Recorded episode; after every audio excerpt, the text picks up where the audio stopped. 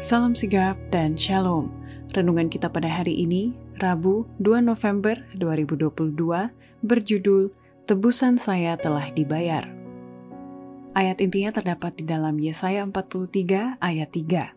Sebab akulah Tuhan Allahmu yang Maha Kudus, Allah Israel, Juru Selamatmu.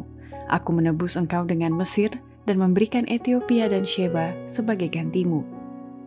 Pena Inspirasi menuliskan yang dimaksud dengan judul renungan kita pagi ini, Tebusan Saya Telah Dibayar, adalah bukti dia peduli kepadamu. Dan makanya kita harus senantiasa datang menghampiri tahta kasih karunia Allah dan mengalami kasihnya yang tiada bandingnya itu adalah sebagai berikut.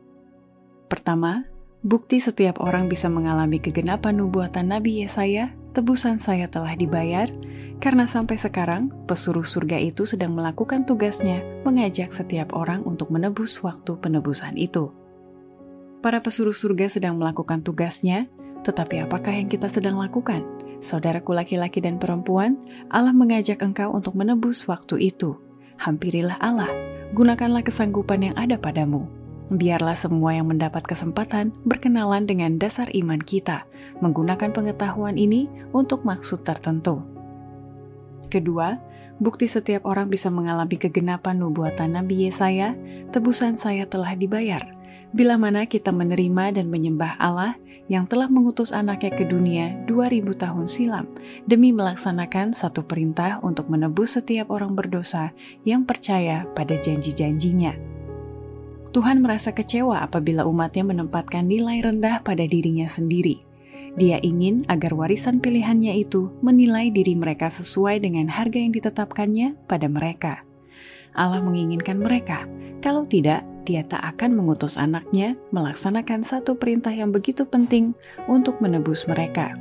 Dia memanfaatkannya. Dia merasa senang apabila mereka membuat satu tuntutan tertinggi baginya agar mereka memuliakan namanya. Mereka boleh mengharapkan perkara-perkara besar jikalau mereka percaya pada janji-janjinya.